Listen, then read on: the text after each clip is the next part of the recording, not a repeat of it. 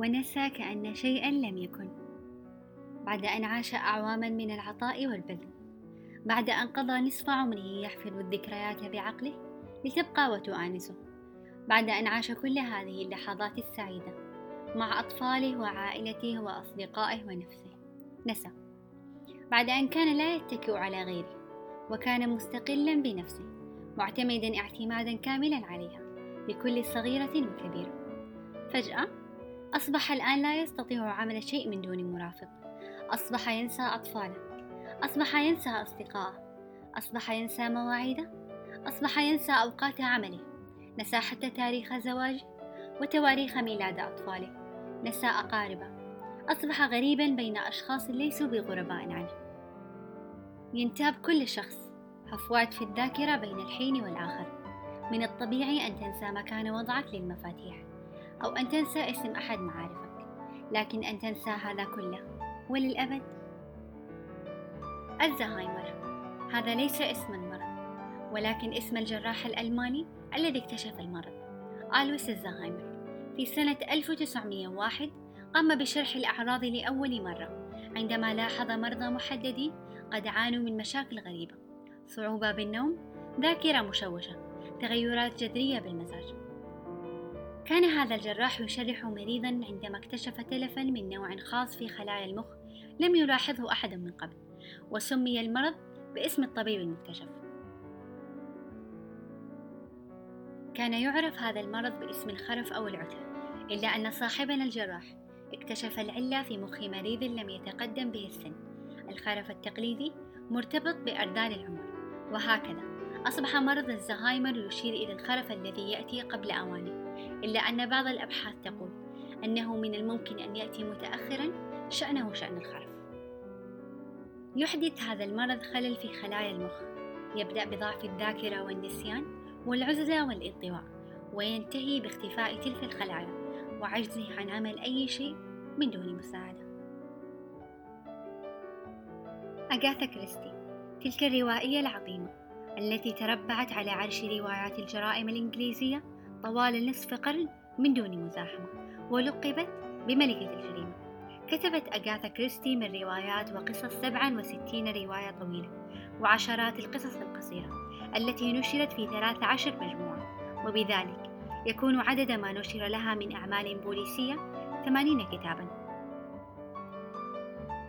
طبع من كتبها ما يقارب مليار نسخة.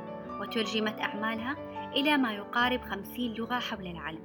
وبذلك تصبح مبيعات الروايات التي ألفتها أغاثا كريستي تفوق مبيعات الكتب العربية ومؤلفات الكتاب العرب منذ الدولة الأموية بعشرات الأضعاف.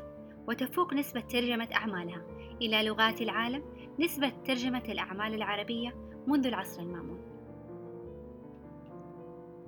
لكن في روايتها الأخيرة حتى الأفيال تستطيع أن تتذكر التي كانت بمثابة الصدمة لقراءها ومعجبيها. كانت سيئة ولا تقارن بباقي رواياتها. لم تعجب النقاد. رواية ضائعة. كان هناك إجماع بأن أغاثا كريستي قد فقدت موهبتها أخيرا. لكن هذه ليست نهاية الرواية. توفت أغاثا كريستي بعدها بفترة قصيرة. تاركة خلفها لغز. وبعد أعوام من الزمن والتغيرات التي طرت على وجه هذا العالم من تطور اقترح تحليل متعمق لروايات أغاثا كريستي. درس الأكاديميون في جامعة تورنتو مجموعة مختارة من روايات أغاثا كريستي المكتوبة بين سن الثمانية والعشرون والإثنان والثمانون مع إحصاء عدد الكلمات المختلفة والأسماء غير المحددة والعبارات المستخدمة في كل منها. ووجدوا أن حجم مؤلفات بوارو وملكة جمال ماربل انخفض بشكل حاد مع اقترابها من نهاية حياتها بنسبة 15 إلى 30% في حين زاد تكرار العبارات واستخدام الكلمات غير المحددة في روايتها بشكل كبير. قال الدكتور إيان لانكشاير من قسم اللغة الإنجليزية وعالم الكمبيوتر الدكتور جرايم هيرست وجدنا انخفاضا مهما من الناحية الإحصائية في المفردات وزيادة في العبارات والأسماء غير المحددة والمتكررة. قال لانكشر لمجلة الشؤون الجارية أن اسم الرواية تغير. للمثل القائل الأفيال لا تنسى أبدا. بدا الأمر هنا كما لو أن الجريمة في هذه الرواية ليست القتل المزدوج ولا الانتحار. الجريمة هنا هي الخرف.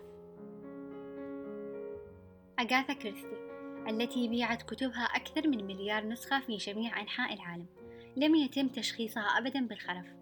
إلا أن مؤلفي الدراسة وصلوا إلى أن التغيرات في كتاباتها لا تتوافق مع الشيخوخة الطبيعية ولكن مع مرض الزهايمر. لم تشأ أن تذهب أغاثا كريستي بعد هذا الإنجاز العظيم دون أن تترك لغزا أخيرا لمحبيها وهو أنها قد فقدت قدرتها وإبداعها قد فقدت مفرداتها رغما عنها. أغاثا كريستي مصابة بالزهايمر وهذا هو اللغز. تخيل أن تمتلك عقلا لا ينسى. من اللحظة التي كنت بها طفلا إلى الآن عقل يمتلك من التفاصيل والذكريات والأشياء المهمة وغير المهمة. عقل لا ينسى أي لحظة سيئة أو أي موقف مؤلم. من نعم الله علينا أن ننسى ما هو غير مهم لنا لأن بمجرد التفكير في فكرة أننا لن ننسى فإنها غير مقبولة ومرهقة. النسيان نعمة لكن في بعض الأحيان يصبح هذا النسيان مرض مؤلم. وبالختام إذا نالت هذه الحلقة على إعجابك ما تنسى تشاركها مع شخص واحد مهتم وتقييمنا على تطبيق أبل بودكاست